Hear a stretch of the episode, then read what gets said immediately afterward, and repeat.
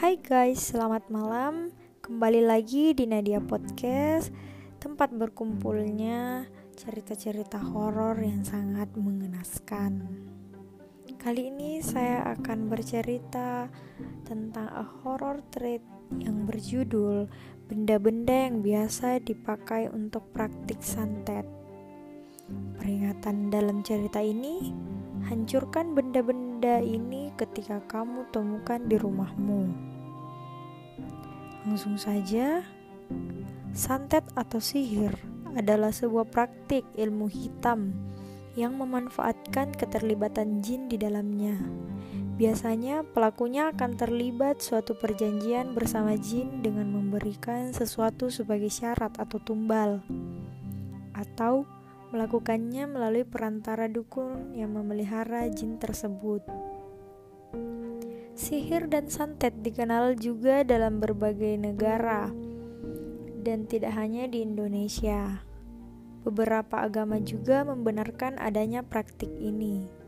Jadi, santet dan sihir bukan sekadar isapan jempol belaka dan benar adanya.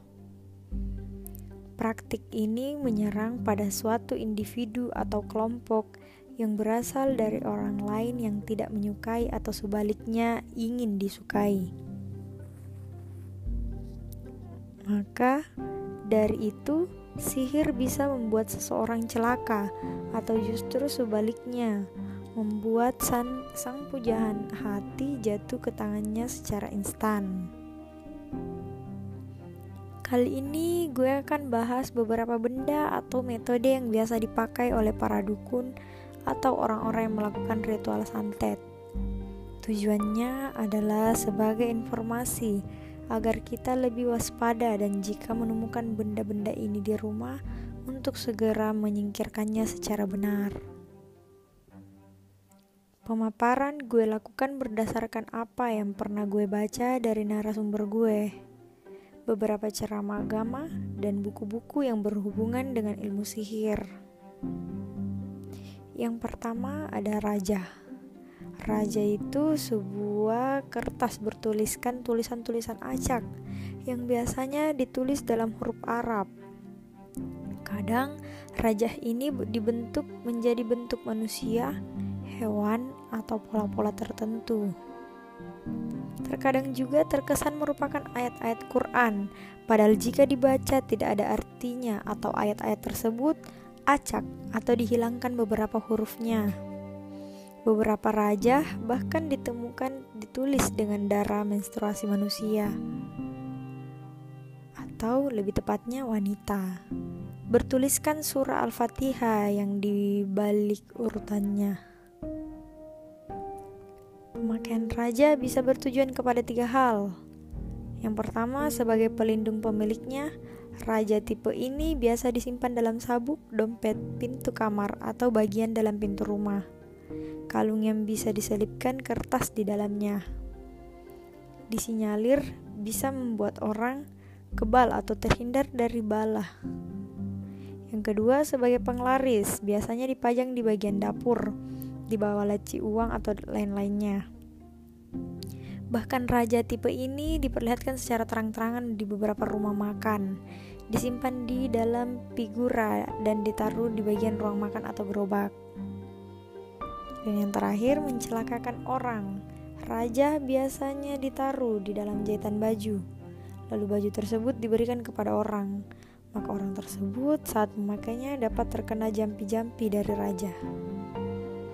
Banyak masyarakat Indonesia masih percaya khasiat rajah dan mengatakannya sebagai budaya atau didasari stigma konyol. Semua tulisan Arab adalah Al-Quran, tapi dia tahu artinya. Maksud saya, tanpa dia tahu artinya. Padahal agama Islam, Islam secara tegas sudah menyebutkan rajah adalah bagian dari praktis sihir yang tercela. Apa yang harus dilakukan jika menemukan raja? Sobek dan hinakan, dan bakar sambil terus melantunkan ayat-ayat suci Al-Quran. Usahakan dalam keadaan berudu. Jika raja tersebut ditulis dengan tinta, bisa dilakukan penghapusan terlebih dahulu sebelum dibaca. Yang kedua, ada tanah kuburan atau bunga-bunga di teras. Yang ketiga, ada buhul-buhul atau ikatan temali.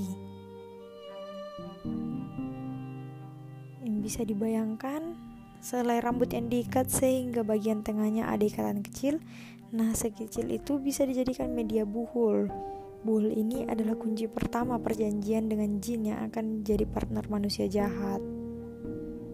Yang, mengerikan dari hal ini, sang pelaku penyantetan tidak akan menaruh buhulnya di tempat yang mudah dijangkau. Ada yang ditaruh di pondasi bangunan, dimasukkan ke dalam botol, lalu dilempar ke laut, atau ditaruh di dasar sumur. Intinya di tempat yang sulit dicari atau ditemukan. Cara menanggulanginya, berdoa kepada Tuhan Yang Maha Esa agar diberikan petunjuk lokasi dari buhul itu disimpan. Memang lama, tapi ini lebih baik daripada melawan dukun dengan dukun lainnya. Selanjutnya ada praktik boneka santet. Praktik ini biasanya dipakai untuk membuat malapetaka bagi korban berupa serangan fisik, mental, dan sebagainya. Sama seperti buhul, setiap boneka santet pasti memiliki ikatan-ikatan. Ketika kamu menemukannya, segera buka ikatan itu, rendam boneka dengan air. Jika prakteknya memakai rambut yang dibuntal-buntalkan, maka lepaskan ikatan rambut itu, lalu bakar sambil membacakan ayat kitab suci. Selanjutnya, ada hewan-hewan yang melata. Santet nggak melulu berupa serangan langsung yang gaib, tapi juga melalui perantara hewan-hewan berbahaya atau menjijikan. Biasanya kemunculan tidak wajar dan masif. Biasanya hewan-hewan yang dikirim berupa ular, kalajengking, ulat, kelabang, cacing, dan sebagainya. Hewan ini muncul secara rutin di dalam rumah. Ketika menemukan hal ganjil ini, untuk kasus hewan yang datang adalah ular, maka usir terlebih dahulu.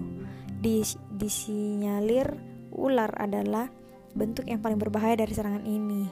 Usir sebanyak tiga kali, kalau masih kembali juga maka bunuh sambil bacakan ayat kitab suci. Jangan lupa bentengi diri dan rumah dengan senantiasa melakukan ibadah di dalamnya. Setiap praktek sihir perdukunan mau dia memakai sorban peci dan baju putih sekalipun tidaklah dibenarkan.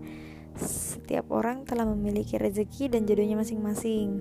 Mencelakakan orang lain menggunakan metode santet yang sudah merupakan perkara besar yang dapat menjerumuskannya pelaku keluar dari agama yang diyakininya.